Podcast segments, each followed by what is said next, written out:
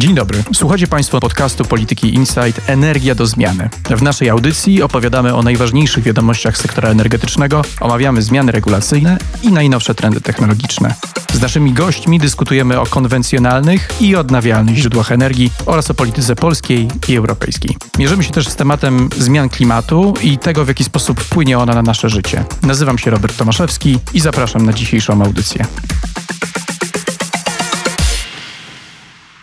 To podcast Energia do zmiany. Dziś porozmawiamy o tym, jaki może być wpływ koronawirusa na energetykę. Nazywam się Karol Tokarczyk, a ze mną są Robert Tomaszewski i Dominik Brodacki z działu energetycznego Polityki Insight.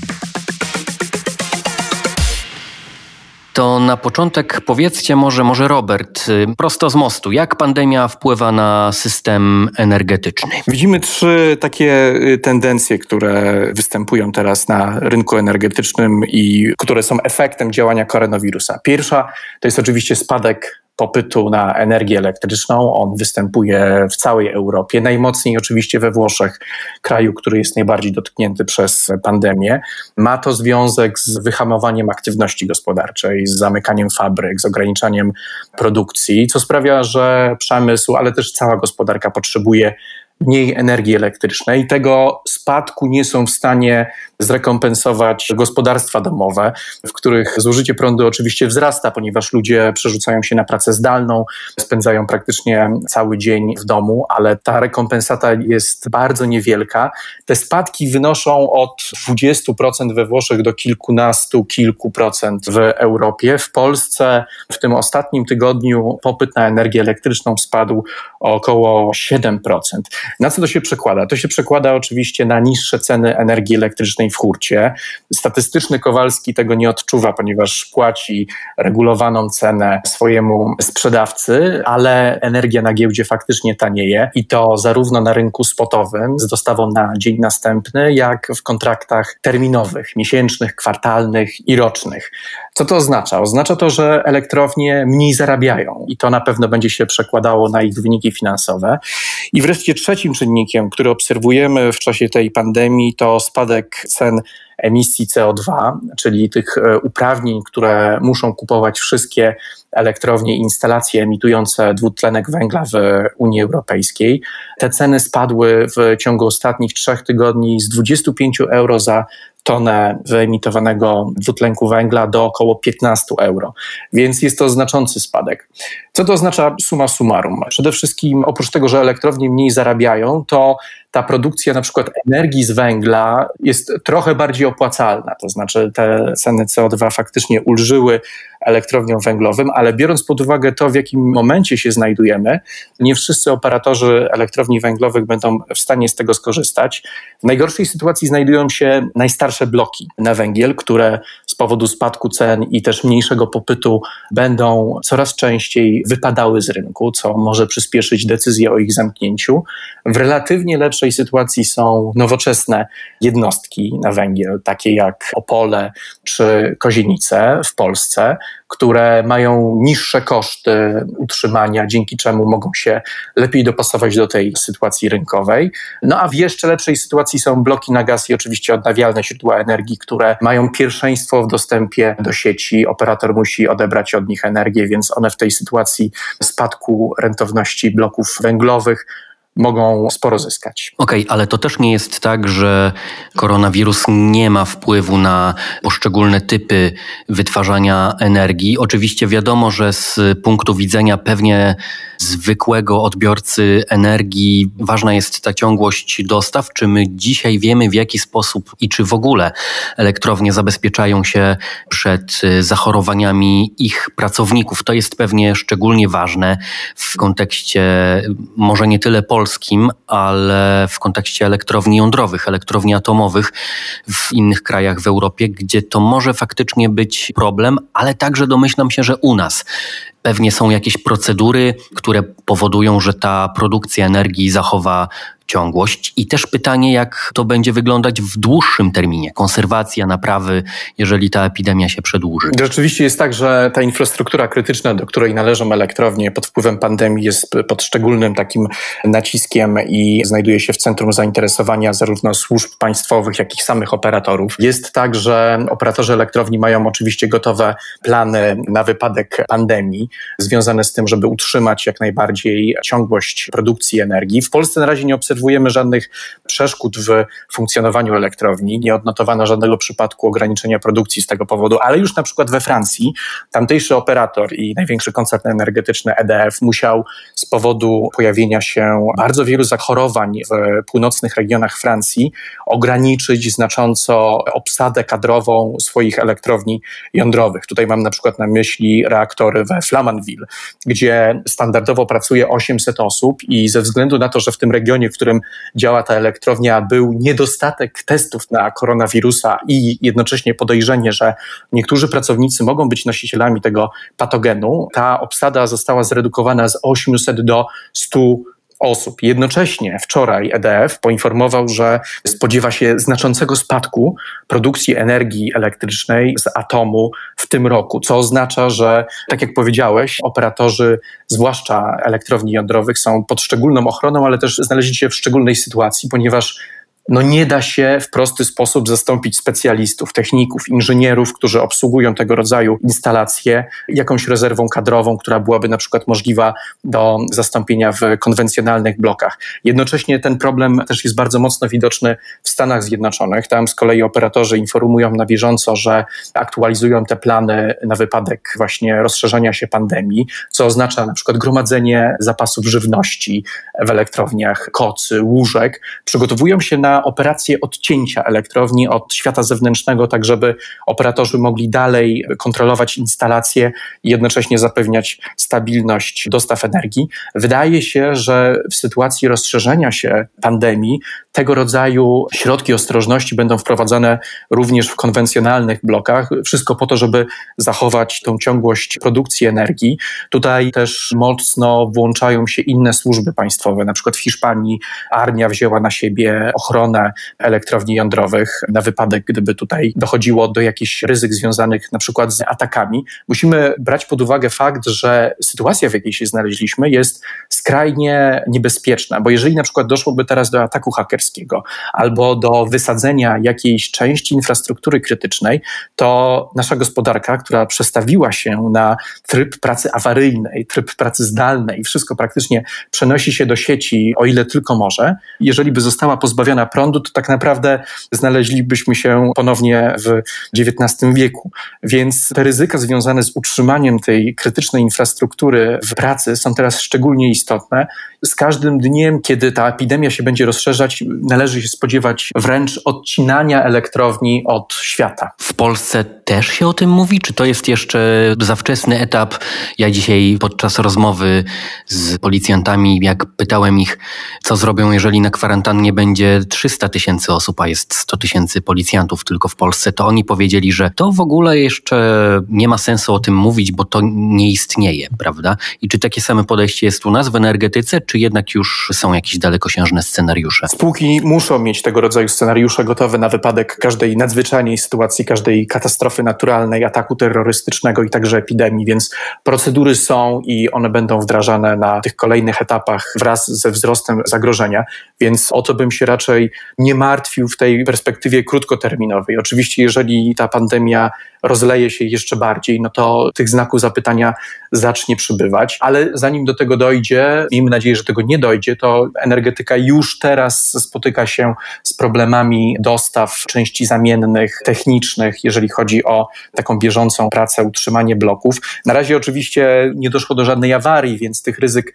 specjalnie nie ma, ale na przykład gdyby jakaś turbina się zatrzymała albo została uszkodzona, no to my mamy teraz bardzo ograniczoną możliwość konserwacji tego typu urządzeń, głównie przez to, że zostały poprzecinane łańcuchy dostaw z Chin, fabryki są wygaszone, albo znacząco ograniczyły produkcję, więc w takim średnim terminie, przy założeniu, że epidemia się utrzyma, możemy mieć problem z konserwacją techniczną tych urządzeń. To głównie dotyczy bloków konwencjonalnych, ale tego rodzaju problemy ma też branża odnawialnych źródeł energii, bo tutaj z kolei inwestorzy muszą wywiązywać się z terminów związanych z budową tych instalacji. Ci inwestorzy, którzy na przykład wygrali aukcję OZE i muszą w ciągu kilkunastu, kilkudziesięciu miesięcy oddać instalację, aby nie zapłacić kar związanych ze spóźnieniem.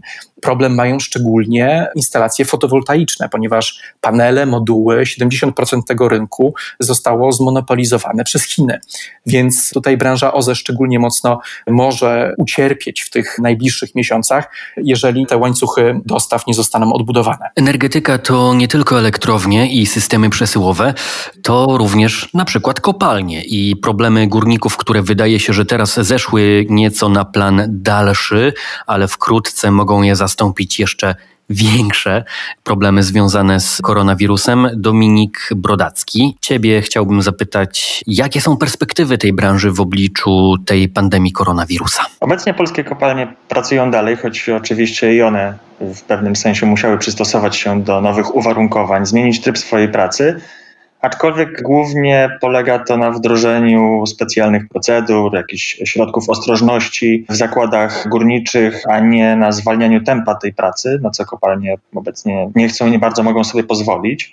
Można wręcz powiedzieć, że jak się obserwuje politykę polskich spółek górniczych, to że ich kierownictwo przyjęło taki ten dawny model brytyjski w walce z koronawirusem, to znaczy, że pracujemy w miarę normalnie, wstrzymując się z wdrożeniem jakichś większych restrykcji na czas poważniejszego kryzysu epidemicznego. Natomiast praktycznie w każdej spółce górniczej powstały sztaby kryzysowe, które wdrożyły pewne restrykcje w związku z koronawirusem. To jest chociażby ograniczenie bezpośrednich spotkań górników, czyli na przykład w JSW Polega to na wprowadzeniu trybu pracy zmianowej, gdzie każda zmiana pracuje po 6 godzin, tak żeby w kopalniach nie przebywało w jednym miejscu zbyt dużo pracowników. Także pracownikom rozdaje się różnego rodzaju materiały, które mają ich uchronić przed zakażeniem, takie jak okulary, rękawice ochronne. No to są te działania, które znamy tak naprawdę ze wszystkich innych zakładów pracy. Ciekawe rozwiązanie wdrożyła Polska Grupa Górnicza, która postanowiła wprowadzić nowy sposób dystrybucji węgla. On jest bardziej zautomatyzowany, dzięki czemu również te kontakty międzyludzkie się ogranicza. Natomiast w zakresie tych pracowników dołowych nie ma ograniczenia jako takiego pracy kopalń. Czyli nie mamy też zjawiska uciekania na jakieś masowe L4. I tak jak powiedziałeś, również ucichły te problemy górnictwa, z którymi branża się boryka. Na przykład w Jastrzębskiej Spółce Węglowej górnicy i zarząd spółki zawiesili na czas tej społecznej kwarantanny rozmowy płacowe. Także rząd zyskał e, chociażby w tej sprawie więcej czasu na uspokojenie sytuacji na Śląsku. Dobrze, Dominik, to jak w takim razie wyglądają te krótkookresowe i długookresowe konsekwencje pandemii koronawirusa dla polskiego górnictwa? Jak ty widzisz e, teraz ten sektor? Na dzień dzisiejszy jest tak, że w żadnej z kopalni nie stwierdzono zakażenia któregoś z górników koronawirusem, co oczywiście w każdej chwili może się zmienić. Możemy usłyszeć o pierwszych przypadkach koronawirusa w górnictwie. I paradoksalnie w krótkim terminie kopalnie stosunkowo łatwo mogłyby ograniczyć lub nawet wstrzymać pracę względnie bez większych konsekwencji dla swojej kondycji finansowej. Wynika to z tego, że na przykopalnianych zwałach zalega obecnie ponad 6 milionów ton surowca. To znaczy, że energetyka mogłaby z niego stosunkowo łatwo skorzystać bez narażenia swoich pracowników i pracowników kopalni na zakażenie. Natomiast jeżeli pandemia i związane z nią ryzyko jakichś utrudnień w pracy kopalń i spadku popytu na węgiel by się przedłużało, no to oczywiście pogłębiłaby się już fatalna obecnie sytuacja krajowych spółek górniczych. Rozmawiamy o węglu, więc nie możemy też nie wspomnieć o drugim kluczowym dla polskiej i światowej gospodarki surowcu, jakim jest oczywiście ropa naftowa. Ona jest najtańsza chyba od kilkunastu lat, z tego co widzę. Na stacjach benzynowych 3 zł i kilkadziesiąt groszy za litr, ale co z tego, że ta ropa jest tak tania, skoro za bardzo nie ma gdzie jeździć. Jak wyglądają z kolei perspektywy tego rynku? No, tak jak powiedziałeś, obecnie na stacjach paliw w Polsce obserwujemy ceny nieobserwowane od bardzo dawna. Przykładowo na Orlenie tak zwaną 95 możemy już kupić po około 4 zł 30 groszy, 4 zł 50 groszy. Też znalazłem informację, że gdzieś w Polsce ktoś sprzedaje benzynę po 3,67 zł za litr. No i oczywiście rodzi to pytanie, jak długo sprzedawcy paliw będą w stanie je sprzedawać po tak niskich cenach bez poważniejszego uszczerbku dla swojej kondycji finansowej, która oczywiście no, jest poważnie zagrożona. A zagrożona jest no, nie tyle ze względu na niskie ceny paliw, co ze względu na drastyczny spadek zapotrzebowania na paliwa. Kilka dni temu minister aktywów państwowych Jacek Sasin w TVP zdradził, że w ostatnich dniach sprzedaż benzynu tylko na stacjach Orlenu i Lotosu spadła o połowę, no co oczywiście przekłada się nie tylko na wyniki segmentów detalicznych tych firm, ale także na ich wyniki produkcyjne. To wszystko, panowie, co mówicie, prowadzi nas też do jednego ważnego pytania, które chciałbym wam zadać na koniec. Pandemia koronawirusa nie odwołuje przecież kryzysu klimatycznego. Te emisje są trochę mniejsze, ale w Polsce wciąż niewiele pada i zapowiada się susza. Czy możemy spróbować przewidzieć, jak pandemia wpłynie na tą szeroko pojętą transformację energetyczną? Czy na przykład przyspieszy ją, bo emisje same spadają i spadną i nie wrócą już do takich poziomów, odbudowa gospodarki będzie bardzo trudna i popyt na energię przecież, tak jak sami wspominacie, spada, czy też jest wręcz odwrotnie i odbudowa później gospodarki spowolni tę transformację i przemianę w kierunku zielonej energetyki. Jak na to patrzycie? W mojej ocenie ten proces będzie przebiegał w pewnym sensie dwutorowo. To znaczy, z jednej strony rzeczywiście odbudowa gospodarek i, i obecny obserwowany spadek popytu na prąd sprawi, że w wielu krajach, uzależnionych w szczególności od węgla, takich jak Niemcy czy Polska, ten spadek emisyjności krajowej gospodarki będzie istotny. W przypadku Niemiec mówi się nawet, że kraj ten jest w stanie zrealizować swój cel redukcji emisji CO2 na 2030 rok i zrealizować go w tym roku. Natomiast tym drugim aspektem są oczywiście prace toczące się w Unii Europejskiej nad Zielonym Ładem, czyli wielką reformą unijnej polityki klimatycznej, które to prace opierają się o bardzo szczegółowo określony harmonogram dostosowywania kolejnych polityk do celu neutralności klimatycznej, który Unia chce osiągnąć do 2050 roku.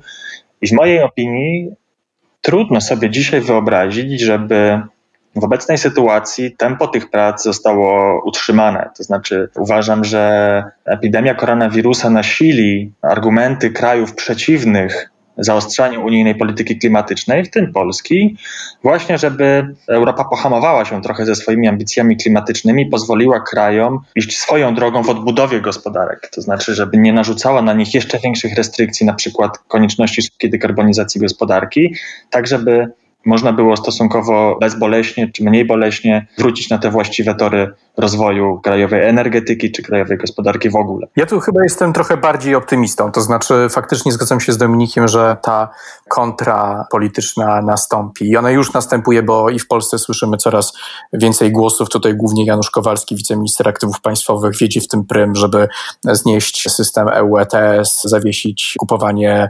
certyfikatów do emisji przez elektrownie, tak żeby podbić ich rentowność, ale wydaje mi się, że to jest tak naprawdę krótkoterminowy trend, który nie powinien aż tak znacząco wpłynąć na naszą politykę klimatyczną. Oczywiście kluczowy będzie, jak ukierunkowany zostanie strumień pieniędzy pobudzania aktywności gospodarczej przez państwa. Czy Unia i tutaj też społeczeństwo obywatelskie, organizacje pozarządowe będą w stanie wywrzeć tą presję, żeby pieniądze szły bardziej w kierunku nowoczesnej gospodarki, odnawialnych źródeł energii, zielonych technologii itd., tak czy po to, żeby zasypywać dziurę w bilansach na przykład właśnie spółek górniczych albo węglowych. Sądzę, że jednak te głosy są w miarę mocne i one będą raczej wzmacniać ten proces transformacyjny, co nie zmienia faktu, że na tym poziomie politycznym, tak jak zresztą Dominik mówił, raczej w tych najbliższych miesiącach czeka nas tak zwana cofka, to znaczy na przykład dyskusja o tej neutralności klimatycznej, o której miała teraz zdecydować Rada Europejska, czy Polska miała dołączyć do celu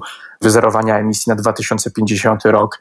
To wszystko zejdzie na drugi plan, podobnie jak Europejski Zielony Ład. Będziemy teraz skupieni na tym, żeby ratować z gospodarki co się da, ale nie zmieni to faktu, że te procesy transformacyjne już się rozpoczęły. Firmy mają zaplanowaną dekarbonizację, mają zaplanowane odchodzenia od bloków węglowych, więc gwałtowna zmiana tego wektoru, to znaczy odejście od dekarbonizacji i transformacji energetycznej, wywołałaby więcej chaosu niż utrzymanie kierunku tego procesu. Przewróciłaby funkcjonowanie firm, które musiałyby na nowo dostosować się do rynku. Więc tutaj pozostanę takim umiarkowanym optymistą. Panowie, bardzo Wam dziękuję za tę rozmowę. Robert Tomaszewski i Dominik Brodacki z działu energetycznego Polityki Insight byli moimi gośćmi. Bardzo również dziękuję słuchaczom za to, że wytrwali przy tej niestandardowej, bo zdalnej formie naszego nagrania. No i do usłyszenia.